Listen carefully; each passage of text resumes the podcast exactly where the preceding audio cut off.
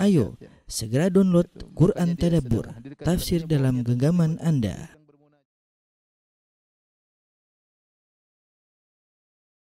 Bismillahirrahmanirrahim. Assalamualaikum warahmatullahi wabarakatuh.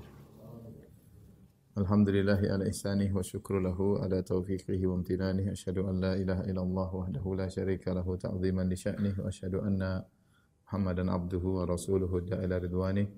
Allahumma salli alaihi wa ala alihi wa ashabihi wa ikhwanihi.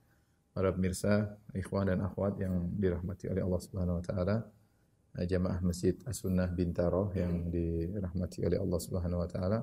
Alhamdulillah pada kesempatan malam hari ini kita dipermudahkan kembali oleh Allah Subhanahu wa taala untuk saling uh, menasihati ya tentang hari akhirat, tentang eh, kondisi-kondisi uh, yang kita semua akan menghadapinya ya. Pada pertemuan lalu telah kita selesaikan membahas tentang hisab ya. Uh, dan pada kesempatan kali ini kita akan bahas tentang uh, al-mizan, tentang al-mizan yaitu uh, ditimbangnya amalan-amalan hamba. Uh, tentu wazan dan al-mizan ya di antara kondisi-kondisi yang berat ya yang dihadapi oleh seorang pada hari kiamat kelak karena itu adalah salah satu kondisi-kondisi yang menentukan tentang derajat dia di surga atau di neraka yang dia akan jalani ya. Uh, oleh karenanya Al Hasan Al Basri uh, meriwayatkan dari Aisyah radhiyallahu taala anha Al Hasan Al Basri berkata, qalat Aisyah tu Aisyah berkata, "Ya Rasulullah, hal tadhkuruna ahlikum yaumal qiyamah?" Wahai Rasulullah, apakah engkau akan mengingat istri-istrimu ketika di hari kiamat kelak? Ya. Artinya engkau suami ingat enggak istrimu pada hari kiamat kelak? Ya. Maka Nabi sallallahu alaihi wasallam menjawab, "Amma fi mawatina salasatin fala." Adapun pada tiga kondisi aku tidak akan mengingat mereka. Alkitab wal mizan was sirat. Ya. Kitab ketika penerimaan ke Alkitab itu di ujung hisab penerimaan Alkitab, kemudian Al-Mizan, kali timbangnya amal, dan As-Sirat tatkala melewati sirat. Hadis ini diriwayatkan oleh Imam Ahmad. Hadis ini uh, oleh para ulama karena dari periwayatan Al-Hasan Al-Basri dari Aisyah sementara Hasan Al-Basri tidak uh, mendengar hadis dari Aisyah jadi riwayatnya uh, terputus ya terputus Hasan Al-Basri tabi'in tapi dia tidak bertemu dengan tidak meriwayatkan dari Aisyah demikian juga uh, sebagian ulama namun sebagian ulama menghasankan hadis ini sebagai al-Iraqi dan sebagian ulama membaifkan. Namun hadis ini dikuatkan lagi dengan riwayat yang lain juga ada Asy-Sya'bi dari Aisyah. Sya'bi juga tabi'in. Jadi ada dua riwayat yang mungqati tetapi saling menguatkan sehingga khilaf ada yang menghasankan, ada yang mendaifkan. Tapi e, maknanya seperti tadi ya. Tadi dalam riwayat Imam Ahmad ya. Jadi Aisyah bertanya, ya Rasulullah, apakah engkau akan mengingat istrimu hari kiamat? Kata Nabi, ya saya akan ingat kecuali tiga tempat. Alkitab ketika menerima catatan amal, kemudian Al-Mizan ketika ditimbang amalan dan ketika melewati sirat. Dalam riwayat yang lain eh, Nabi mendapati istrinya menangis itu Aisyah radhiyallahu taala anha. Maka Nabi bertanya, "Wa ma yubkik? Apa yang buat kau menangis?" Kata istrinya, "Dzakartun nar ya Rasulullah." Aku mengingat neraka ya Rasulullah. Hal tadhkuruna yaumal qiyamah? Apa kau akan mengingat kami pada hari kiamat ya Rasulullah? Ya. Kata Nabi SAW, Zahaba dzikru fi thalatha mawatin. Ingatan akan hilang, ya. Aku tidak mengingat kalian, istri-istriku, ya. Di dalam tiga kondisi. Ya, di antaranya hina yudha'ul tudha'ul mawazin fala yahummu 'abdun illa nafsahu wa mizanahu ayathqulu am yakhif. Ketika timbangan-timbangan diletakkan, maka seorang tidak ada yang dia pikirkan kecuali dia fokus kecuali pada dirinya sendiri dan timbangannya. Apakah timbangannya berat atau ringan? Wa indal kitab ya dan demikian juga kitab ketika dihisap ataupun ketika diberikan catatan amal ya atau ketika menerima uh, buku catatan amal fa yaqulu ha umqra'u kitabi wa inda sirat jahannam dan ketika melewati sirat ya. Jadi ini di antara asar atau riwayat yang menunjukkan bahwasanya kondisi al-mizan pada hari kiamat adalah kondisi yang berat yang akan dihadapi oleh orang-orang pada hari kiamat kelak. Taib. uh, al-mizan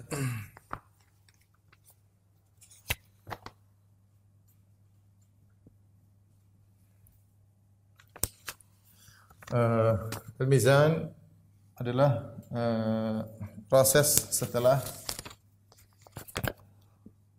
proses al-mizan atau timbangan atau timbangan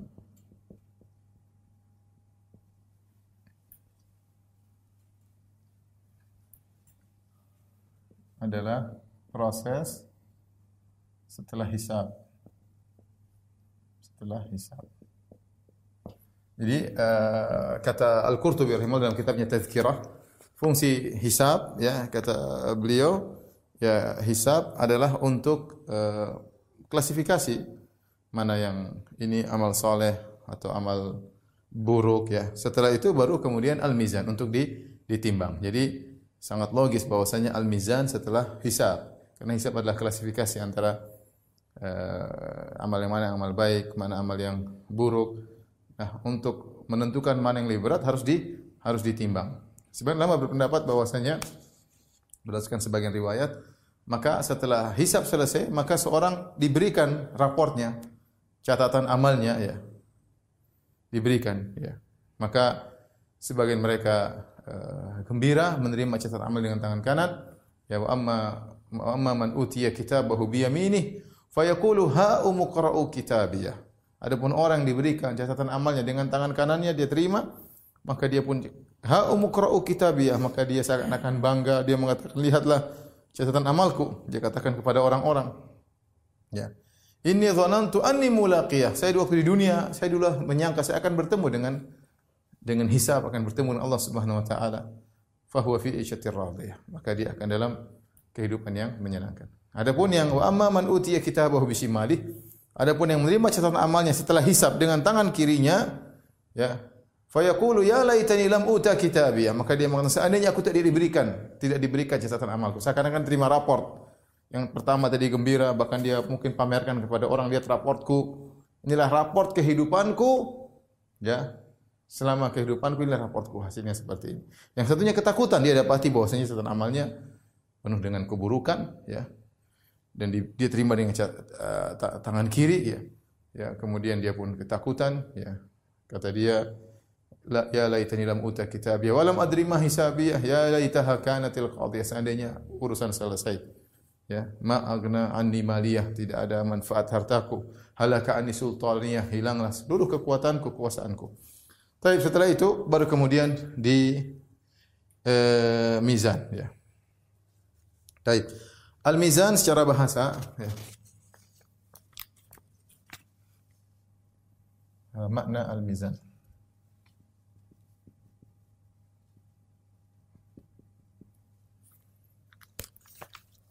Secara bahasa ya.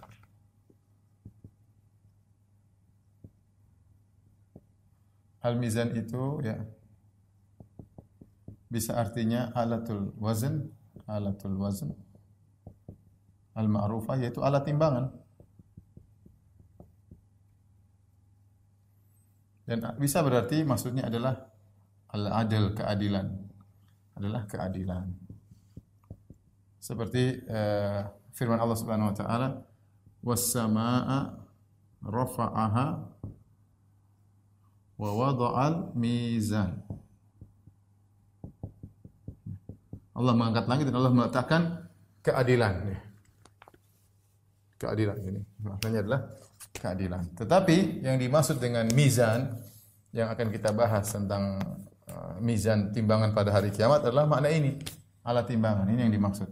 Ini yang dimaksud. Mizan, ya. Adapun dalil tentang mizan, dalilnya.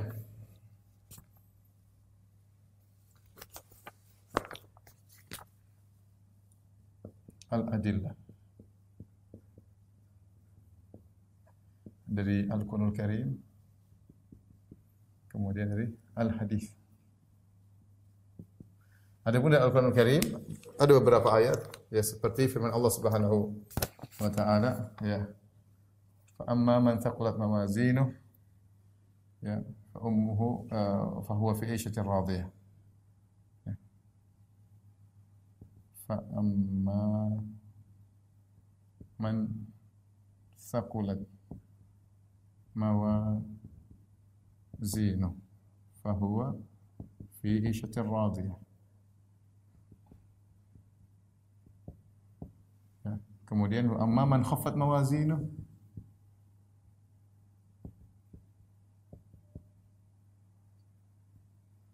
fa ummuhu hawiyah.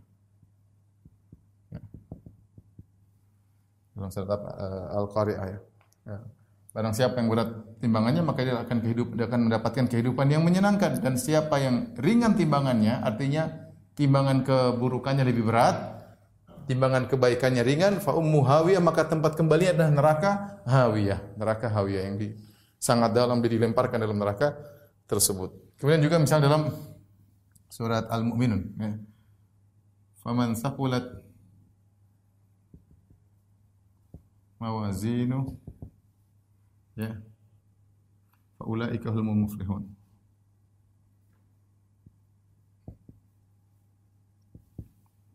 khaffat mawazinu fa ulaika alladhina khasiru khasiru anfusahum fi jahannam khalidun dan seterusnya. talfahu wujuhahum nar wa hum fiha kalihun Kata Allah dalam surat Al-Mu'minun, barang siapa yang lebih berat timbangannya, maka mereka adalah orang yang beruntung. Barang siapa yang lebih ringan timbangannya, maksudnya timbangan keburukan lebih berat, faulaika alladziina khasiru, maka mereka itu orang yang merugikan diri mereka sendiri fi jahannam khalidun, mereka kekal dalam neraka jahannam. Di sini Allah menggunakan kata mawazin, mawazin, timbangan, timbangan ya ini semuanya ini mawazin. Ya. Timbangan. Kemudian di antaranya Allah berfirman ya, yang uh, wa nadau موازين القسط يوم القسط ليوم القيامة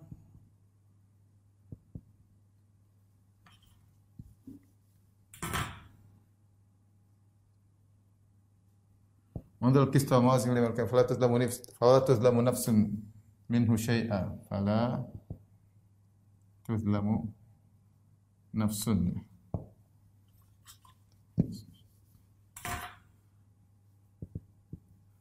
Kata Allah kami letakkan al-mawazin, timbangan-timbangan yang adil pada hari kiamat kelak, fala tuzlamu nafsun, maka tidak satu jiwa pun yang dizalimi. Baik. Inilah dalil Al-Qur'an menunjukkan adanya mizan. Adapun dalam hadis banyak sekali tentang uh, dalil tentang adanya uh, apa namanya? tentang adanya mizan. Contohnya seperti hadis Nabi sallallahu alaihi wasallam ya kalimatani ya. Kalimatani ya khafifatani ala lisani. Ya. Habibatani ila rahmani.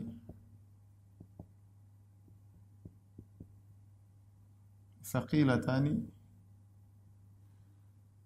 Saqilat Saqilatani fil mizan.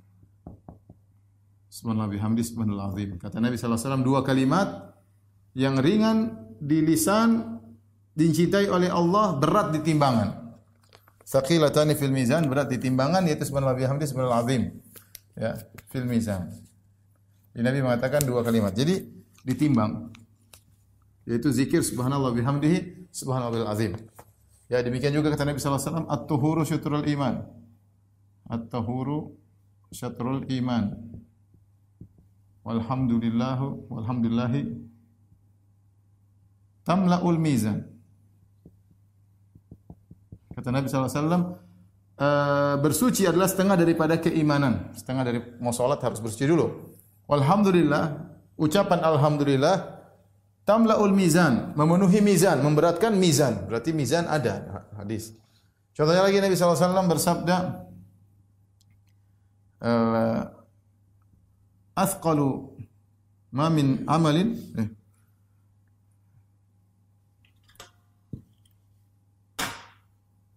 ma min amalin athqalu fi mizanil mu'min yaumal qiyamah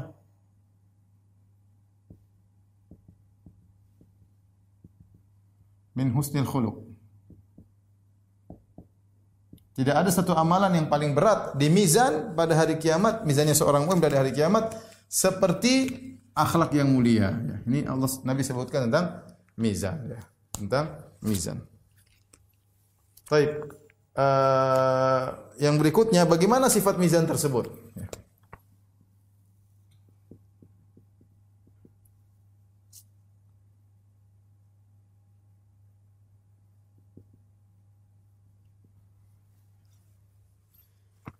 Sifat-sifat mizan. Ya. Uh, pertama, ya, mizan tersebut hakiki ya. ya. Bukan majazi.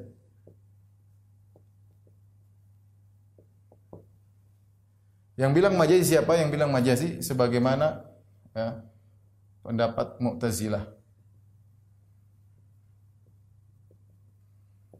Jadi Mu'tazilah mengatakan mizan itu majazi.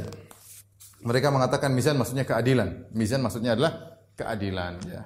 Kenapa? Atau kita bilang eh, hakiki ya. Hakiki bukan majazi ya. Adapun Mu'tazilah ya. Adapun Mu'tazilah mereka mengatakan mizan majazi mizan majaz ya. Hanya majaz. Maknanya adalah keadilan.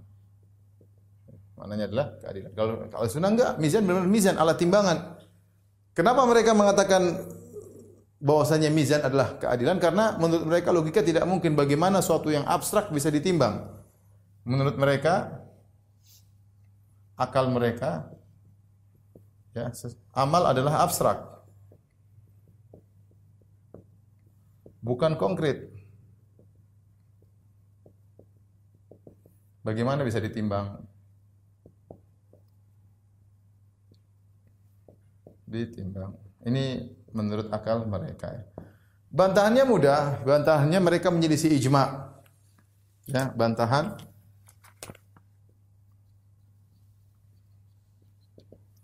Jadi bantahan pertama mereka menyelisih ijma.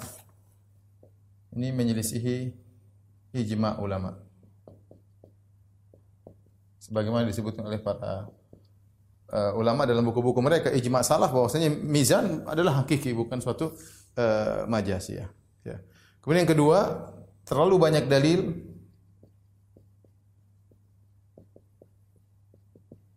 Allah menunjuk Allah merubah merubah yang yang abstrak ke konkret menjadi konkret. Banyak sekali. Contoh seperti uh, surat Al-Baqarah, surat Al-Imran. Kata Nabi SAW, Ikra'u az-Zahrawaini. Bacalah dua surat, yaitu surat Al-Baqarah, surat Al-Imran. Fa innahuma ya'tiyani yawmal qiyamati ka'annahuma ghayayatani.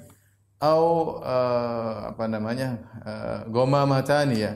Nanti surat Al-Baqarah surat Al-Imran akan datang seperti awan yang menaungi, ya atau seperti kumpulan burung ya, yang akan menaungi di atas. Jadi datang dalam bentuk sesuatu yang konkret. Contoh seperti orang ketika dalam alam barzah, maka datanglah amal solehnya dalam bentuk seorang laki yang tampan, yang harum baunya, penampilannya uh, aromanya harum, penampilannya indah. Ya, Allah merubah menjadi sesuatu yang abstrak menjadi yang uh, yang konkret ya. Kemudian juga seperti kematian ya. Yu'ta bil maut ala ha'itil kabsh.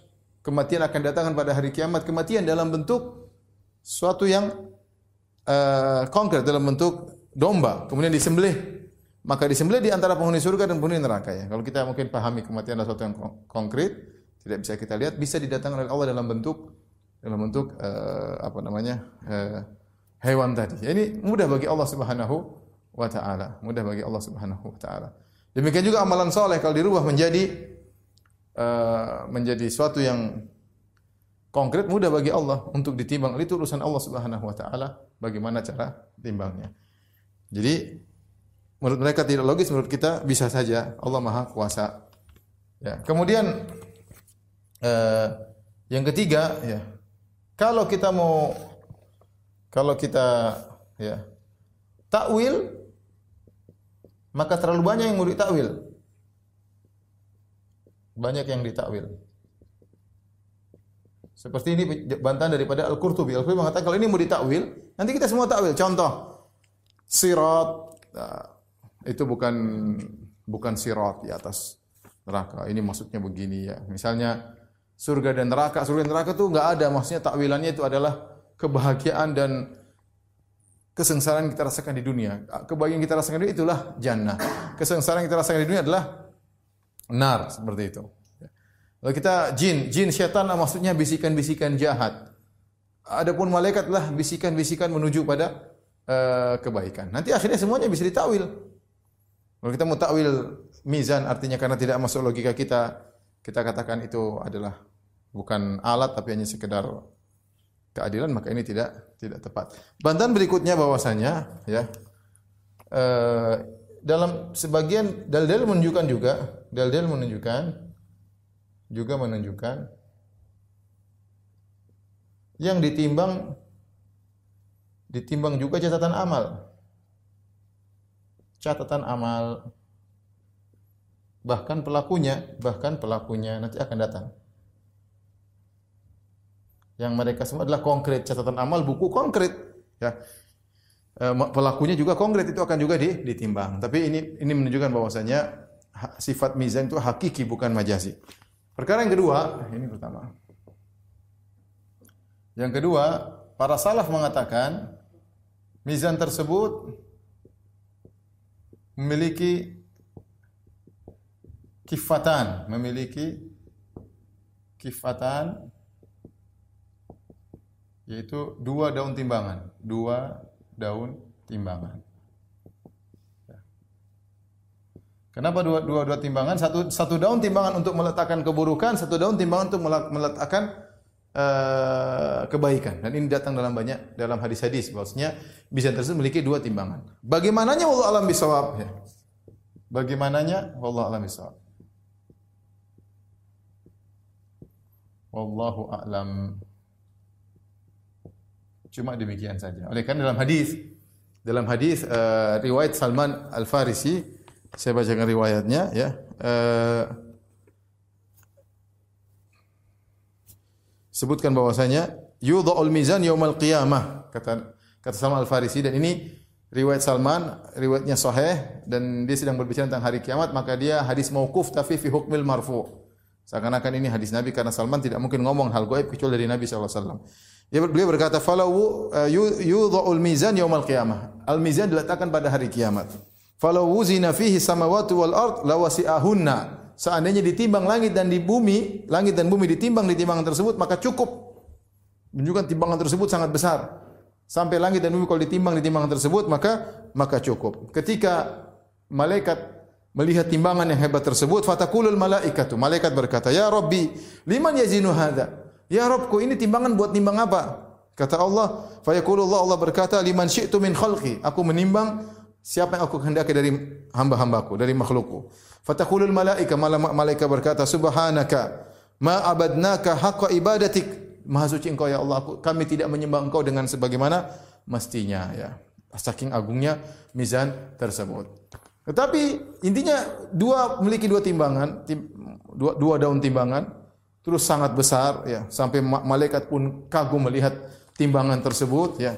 Adapun bagaimana detailnya wallahu alam bisawab. Makanya datang dalam satu riwayat dari Abdul Malik bin Habib, dia berkata kunna inda Ziyad al-Lakhami. Kami sedang berada di sisi Ziyad al-Khami seorang ulama adalah uh, dari sahabat Imam Malik. Kemudian tiba-tiba datang surat kepada dia dari sebagian raja, ya.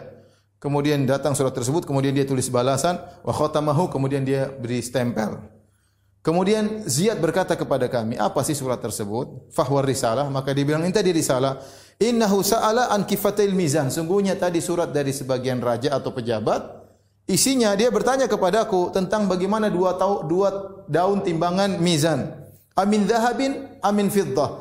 Apakah dua daun timbangan tersebut dari emas atau dari perak? Pertanyaannya tentang gaifiyah. Kalau Nabi tidak menjelaskan dari mana kita tahu dari perak atau dari perunggu atau dari emas. Dia tanya tentang suatu hal yang kita tidak tahu, hal yang gaib tidak ada dalilnya. Maka raja ini atau sultan ini atau pejabat ini bertanya kepada ulama tadi. Sungguhnya dua daun timbangan tersebut berasal terbuat dari apa? Emas atau perak? Fakatabtu ilaihi, maka aku beri jawaban kepada sultan tersebut, min husni islamil mar'i tarkuhu ma la ya'ni. Di antara keelokan Islam seorang, tinggalkan perkara yang bukan urusannya. Apa urusan Anda terbuat dari emas atau perak? Yang penting Anda bagaimana di mizan nanti benar, itu yang jadi masalah. Bagaimana Anda bisa dengan dengan benar. Kemudian di antara sifat-sifat mizan tersebut ya adalah uh, adil. Adil. Tadi kita sebutkan wa nada'ul mawazinal qista kata Allah Subhanahu wa taala wa nadha' mawazin qista. Al-qista ini artinya adil. Kami meletakkan mizan dengan adil. Ini artinya adil. Ya, hanya saja para ulama sebagian disebut Ibnu Hajar dalam Fathul Bari uh, tadi jilid 13 kalau tidak salah halaman 583 atau 538 nanti bisa dicek ya. Beliau menjelaskan tentang perbedaan ulama tentang al-qista. Kenapa dibaca al-qista di sini?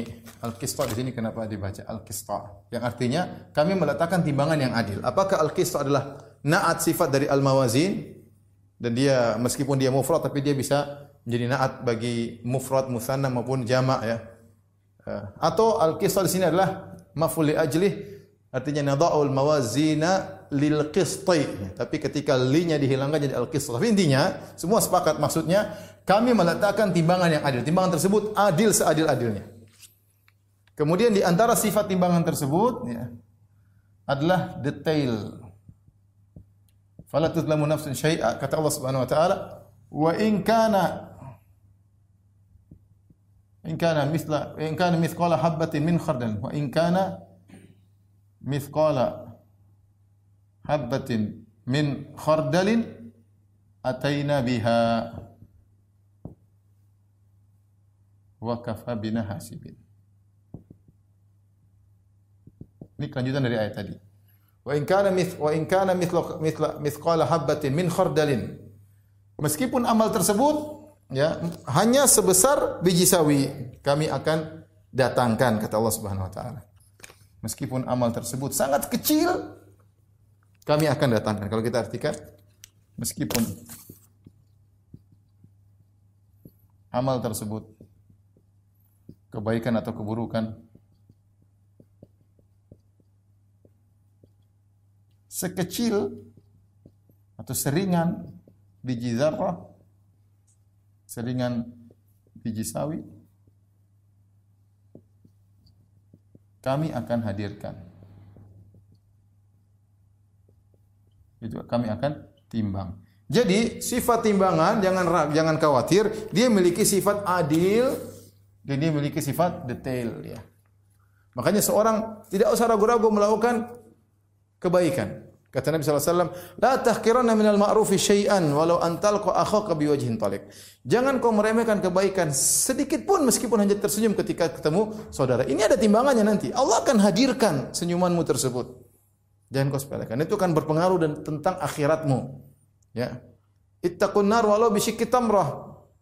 Jauhkanlah dirimu dari neraka jahanam meskipun dengan bersedekah sepenggal sepenggal korma ya. Jadi ini uh, berkaitan dengan uh, berkaitan dengan sifat-sifat uh, mizan ya. Taib. Kelanjutannya mizan ya. Pertama uh, khilaf ya. ya. Mizan hanya satu ya. Mizan hanya satu.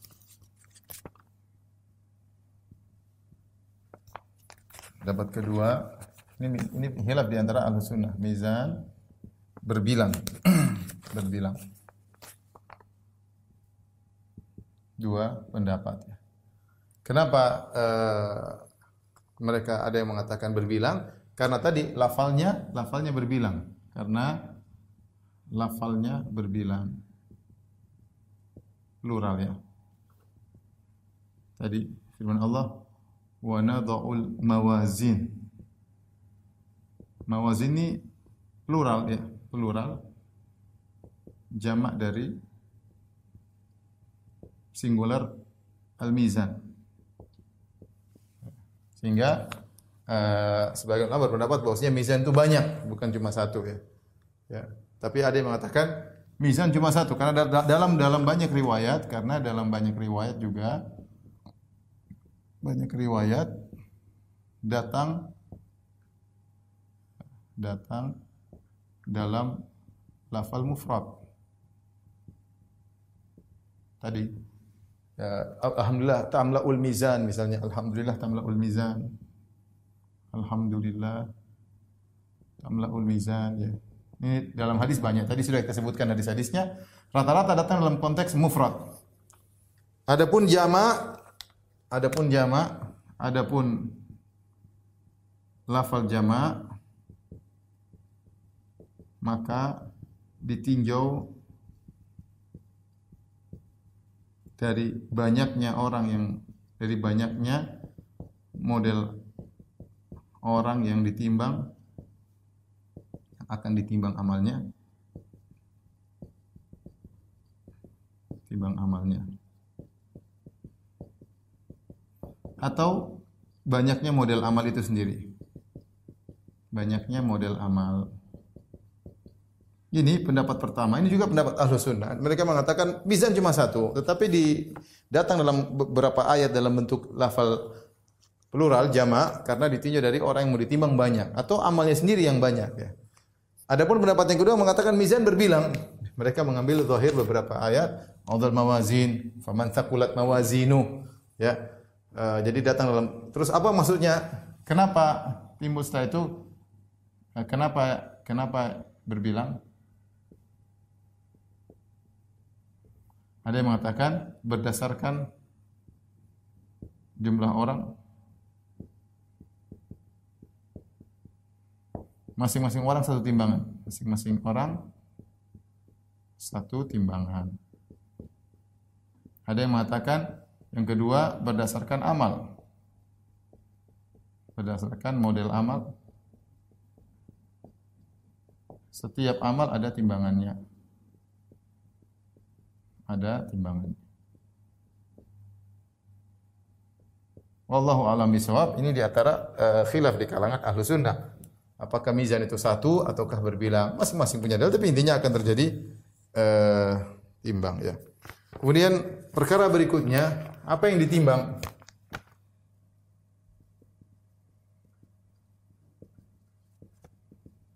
Kalau kita perhatikan dalil-dalil maka dalil-dalil menunjukkan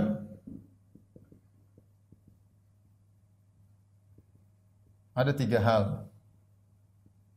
yang ditimbang. Ya, di antaranya yang ditimbang adalah amal itu sendiri. Dan yang kedua menunjukkan yang ditimbang adalah catatan amal. Yang ketiga yang ditimbang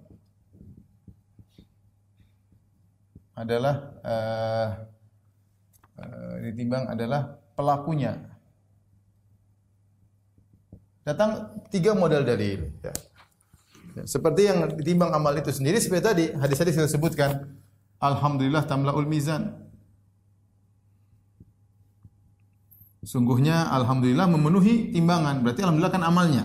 Oh tadi kalimatani khafifalatani ala lisani habibatin rahmani thaqilatani fil mizan. Dua kalimat yang mudah diucapkan oleh mulut, dicintai oleh Allah, kemudian berat di timbangan. Berarti zikirnya yang ditimbang.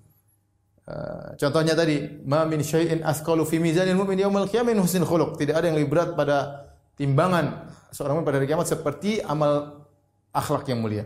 Berarti yang timbangan adalah amal itu sendiri. Dalilnya tadi sudah saya sebutkan. Ada juga dalam menjadikan timbangan adalah catatan amal itu kisah hadis hadis uh, hadis sahibul bitaqah ya. Hadis tentang tentang pemilik kartu. Ini disebut disebut dengan hadis sahibul bitaqah ya. Terkenal hadis ini. Adapun bunyi hadisnya eh, kira-kira demikian, yusahu bi rajulin ummati yaumal qiyamah ya. Ala ru'usil khalaik. Bahwasanya ada salah seorang dari umatku dipanggil namanya, diteriakin namanya untuk hadir di hadapan khalayak. Jadi dia ditimbang di hadapan khalayak, ditimbang di hadapan khalayak. Orang pada ngelihat. Fayun syarulahu tis'una wa tis'atun wa tis'una sijillan kullu sijilin maddul basar. Maka dibentangkan di hadapan dia 99 catatan amal isinya semua maksiat. Setiap catatan amal kalau dibentangkan sejauh mata memandang isinya maksiat tok. Di hadapan dia siap untuk ditimbang, ditimbang untuk diletakkan pada daun timbangan keburukan. Maka ditanyakan kepada dia, hal hazala maka kata batil hafizun, apakah malaikat tukang catat dulu salah catat? Mungkin salah catat begitu uh, catat ternyata ada salah ya. Kau mungkin hanya mencuri sekali tulis dua kali, mungkin kau hanya melihat cewek dua kali ditulis lima kali, mungkin malaikat salah catat. Ketika dia enggak, tidak ada salah catat, semuanya benar. Dia ingat semuanya, ingat semuanya. File terbuka semua dia ingat, tidak ada yang salah. Ya, maka sampai dia takut, dia khawatir. Maka Allah mengatakan, "Indaka ya sungguhnya kau punya eh, laka indana hasanah. Kau punya kebaikan di sisi kami." Ya, maka dikeluarkan baginya sebuah kartu tertulis la ilaha illallah. Kata Allah, innaka lan tudzamal yaum. Kau tidak akan dizalimi pada hari ini. Maka dia mengatakan, Ya Rabbi, Ya Allah, ma hadhil bitaqah, ma haula sijillat. Apa pengaruhnya satu kartu dibandingkan dengan catatan keburukan yang begitu banyak? Kata Allah, kau tidak akan dizalimi pada hari ini. Ketika diletakkan kebu catatan keburukan di timbangan keburukan, la ilallah timbangan kebar, uh, timbangan kebaikan, maka ternyata lebih berat timbangan kebaikan. Lebih berat timbangan kebaikan. Ini dalil bahwasanya yang diletakkan di timbangan catatan amal. Hadis namanya disebut hadis pemilik kartu la ilaha illallah. Yang diletakkan di timbangan catatan amalnya. Kemudian ada hadis lagi yang menunjukkan ditimbang adalah pelakunya seperti hadis Ibnu Mas'ud, hadis tentang Ibnu Mas'ud. Suatu hari Ibnu Mas'ud dengan para sahabat radhiyallahu anhum ajma'in sedang mungkin sedang mencari kayu siwa kalau tidak salah, tiba-tiba ada angin yang bertiup sehingga tersingkaplah betis Ibnu Mas'ud. Dan betisnya kurus, Ibnu Mas'ud orangnya kurus. Ya, maka sebagian terta sahabat tertawa melihat kurusnya betis Ibnu Mas'ud. Maka Nabi bertanya, "Mimma tadhakun?" Apa yang buat kalian tertawa? Sahabat jujur, "Min diqqati saqahi ya Rasulullah." Karena kecilnya betisnya. Kata Nabi SAW, lahuma fil mizan, yaumal qiyamah, ya, asqal min jabal Uhud. Itu dua betis nanti kalau ditimbang pada hari kiamat lebih berat daripada gunung Uhud. Ini menunjukkan bahwasanya pelakunya juga ditimbang, pelakunya juga di, ditimbang, ya.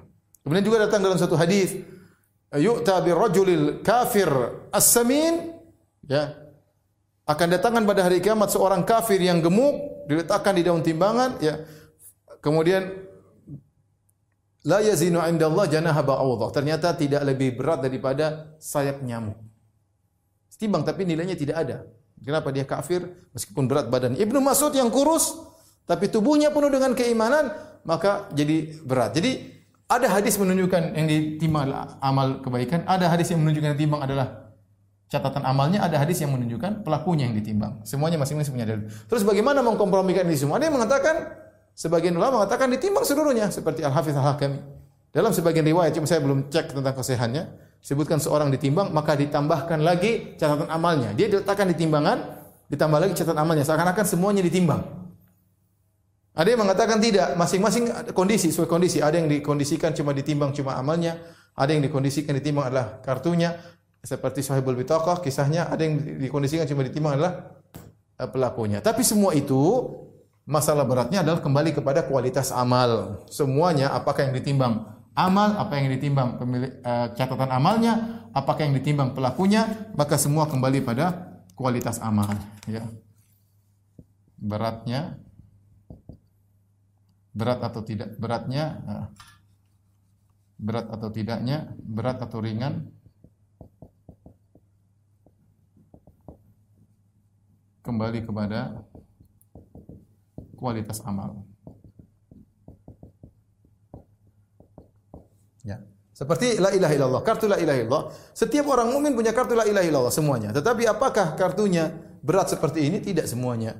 Karena kualitas tauhid seorang berbeda-beda. Semakin orang tauhidnya tinggi, maka kartu lahir semakin berat jika diletakkan di timbangan. Akhlak baik, banyak orang punya akhlak baik, tapi tingkat beda-beda. Murah senyum ada, tapi ada orang murah senyum dengan tulus, kemudian eh beda. Akhlak satu orang dengan yang lainnya beda ya. Sama alhamdulillah, sama-sama ditimbang. Salat sama-sama ditimbang, tapi salat yang satu berbeda dengan salat yang yang lain. Oleh karenanya, ini semua apakah yang ditimbang amal atau catatan amal atau pelakunya kembali kepada kualitas amal itu sendiri. Maka seorang berusaha umur kita yang terbatas kemampuan kita terbatas berusaha beramal dengan amal yang kualitas tinggi. Baik dalam sedekah, usahakan seikhlas-ikhlasnya sesembunyi-sembunyinya ya baik dalam dakwah sukan seikhlas-ikhlasnya kemudian berbuat sama orang tua sebaik-baiknya ya berbuat baik kepada keluarga anak istri sebaik-baiknya sehingga kualitas amal kita karena kita akan mengerjakan dalam waktu yang sama. Tinggal kualitas nggak kualitas kembali kepada kita. Salat kita salat yang benar. Bagaimana dua orang salat antara satu dengan berdampingan gerakannya sama tapi timbangannya antara langit dan bumi kualitasnya.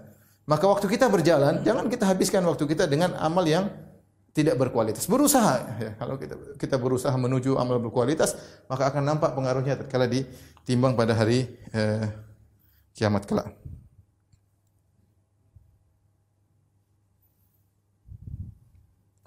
Baik. Eh, masalah berikutnya.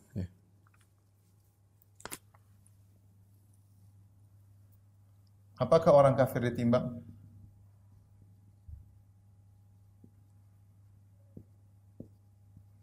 Ditimbang amalnya?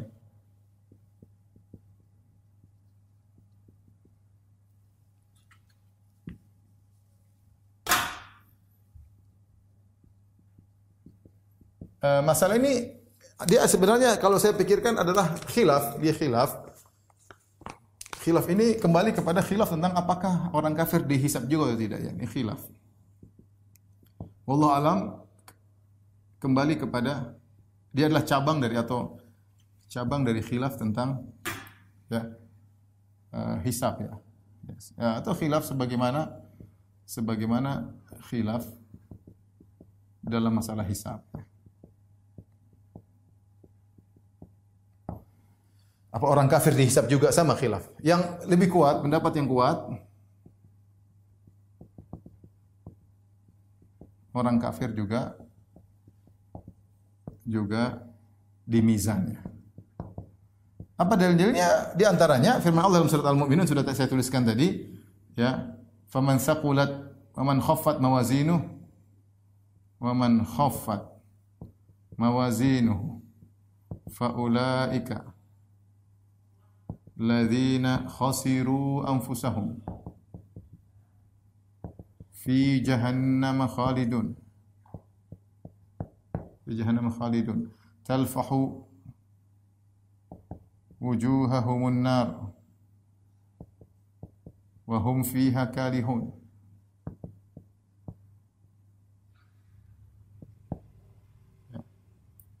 hum fiha kalihun Uh, di sini Allah Subhanahu wa taala ya menyebutkan ya, dalam surat Al-Mu'minun ya.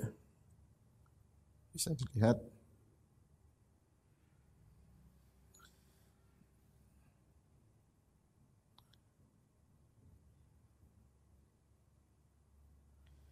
dalam surat Al-Mu'minun dari ayat uh, eh, 102 sampai ayat 105 ya. Alam takun ayati tutla alaikum fakuntum biha tukadzibun. Allah berfirman setelah itu ini ayat 102 sampai 105 ya. 23 102 sampai 105. Alam takun ayati tutla alaikum fakuntum biha tukadzibun. Saya ulangi, saya baca ayatnya. Dan barang siapa yang ringan timbangannya, maka mereka itulah yang merugikan diri mereka di neraka kekal. Ini menunjukkan ini orang kafir. Di neraka kekal. Fi jahannam khalidun. Talfa wujuhahumun nar, wajah mereka ditampar oleh api. Wahum fiha kalun, mereka menjadi cacat dalam neraka jahanam. Allah berfirman, "Alam takun ayat itu telah alaikum fakuntum biha tukadzibun?" Bukankah ayat kami telah dibacakan kepada kalian, kalian mendustakan? Yang mendustakan ayat Allah maksudnya orang kafir. Ini dalil sangat tegas bahwasanya orang kafir juga di mizan, ya. Orang kafir di di mizan, ya. Tinggal apa kenapa di mizan? Ya kita sebut banyak hikmahnya mungkin untuk menunjukkan keadilan Allah Subhanahu wa taala. Mungkin untuk mengetahui derajatnya di neraka seperti apa. Ya seperti kita bicara ketika tentang hisab. Ketika tentang tentang hisab ya. Jadi orang kafir yang benar juga ditimbang. Baik. Adakah orang yang tidak ditimbang?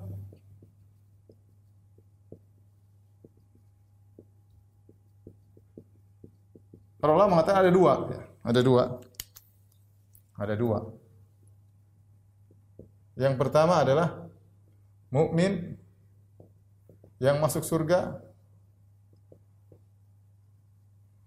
tanpa hisab. Kan kita sampaikan bahwasanya mizan adalah cabang daripada hisab. Setelah hisab baru di mizan. Nah, kalau dia tidak dihisab ya dia langsung juga masuk surga tanpa mizan. Dia tahu Allah langsung taruh di tempat terserah Allah di mana. Allah sudah tahu dia masuk ke mana. Tapi dia mukmin yang masuk surga tanpa hisab. Sama. Ada juga Kata sebagian ulama, kafir yang masuk neraka tanpa hisab. tanpa hisab. Ada orang kafir masuk neraka tanpa hisab, tanpa mizan.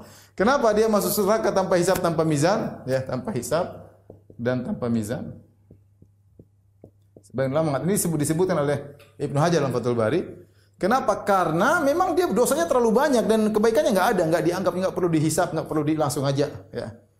Ada orang kafir dihisap, mungkin dihisap di mizan karena ada kebaikannya. Kebaikannya ini mungkin membuat derajatnya di neraka agak naik dikit, mungkin seperti itu ya. Allah alam. Tapi ini orang isinya keburukan, tok tidak ada kebaikan. Ada orang kafir punya kebaikan, baik sama tetangga, sosial, relawan, sumbangan, banyak ya. ya. Itu mungkin yang perlu ditimbang, perlu dihisap, perlu ditimbang. Tapi kalau ada yang kecil jahat, kejam, tidak punya kebaikan sama sekali, maka langsung masuk neraka tanpa tanpa hisap dan tanpa mizan. Dan juga ada orang mukmin yang masuk surga tanpa hisab dan tanpa uh, uh, mizan. Ya. Taib. Uh, yang terakhir, ya.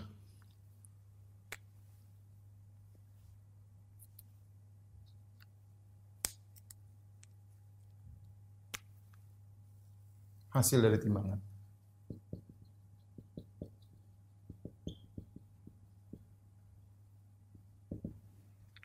Ada tiga kemungkinan. Yang pertama, jika lebih berat kebajikan, maka masuk surga.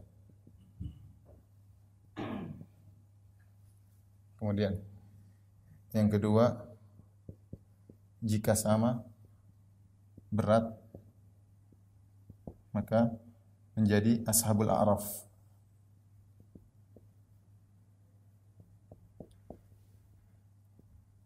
Siapakah Ashabul A'raf yang Allah sebutkan dalam surat Al-A'raf? Mereka adalah orang-orang tasawat hasanatum wa sayyi'atum, sama timbangannya. Kebaikan kemudian ternyata sama. Ada orang seperti sekelompok orang. Maka mereka ditahan dulu di suatu tempat, orang-orang sudah masuk surga masuk neraka, mereka belum. Mereka Allah sebutkan apa namanya dialog mereka dalam surat Al-A'raf ya. ya nada Ashabul A'raf apa Sabul Araf berbicara dengan penghuni neraka, melihat melihat uh, melihat penghuni surga, melihat neraka. Mereka ditahan dalam waktu tertentu, namun setelah itu Allah masukkan mereka dalam surga. Tapi ini ujungnya masuk surga. Tapi terlambat. Ujungnya masuk surga. Yang ketiga, ya.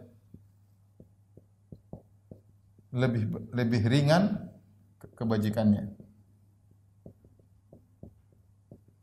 dalam artian yaitu lebih berat keburukannya. Ini artinya masuk neraka. Masuk neraka, ya. Harusnya, harusnya masuk neraka. Kecuali dapat syafaat atau diampuni oleh Allah atau yang lain-lainnya. Ya, kecuali mungkin diampuni Allah. Atau dapat syafaat. Wallahu alam bisawab ya. Tapi aturannya harusnya dia masuk neraka jahanam dari sini kita tahu ikhwan ya sebagai penutup saya bacakan. Artinya pentingnya kita beramal soleh Berkata Ibnu Mas'ud sebagaimana diriwayatkan oleh At-Tabari dalam tafsirnya, beliau berkata, "Yuhasabun nasu yaumal qiyamah." Manusia akan dihisab pada hari kiamat kelak, dari hisab yang ditimbang. Faman kanat hasanatuhu aktsara min sayyiatihi biwahidatin dakhala jannah.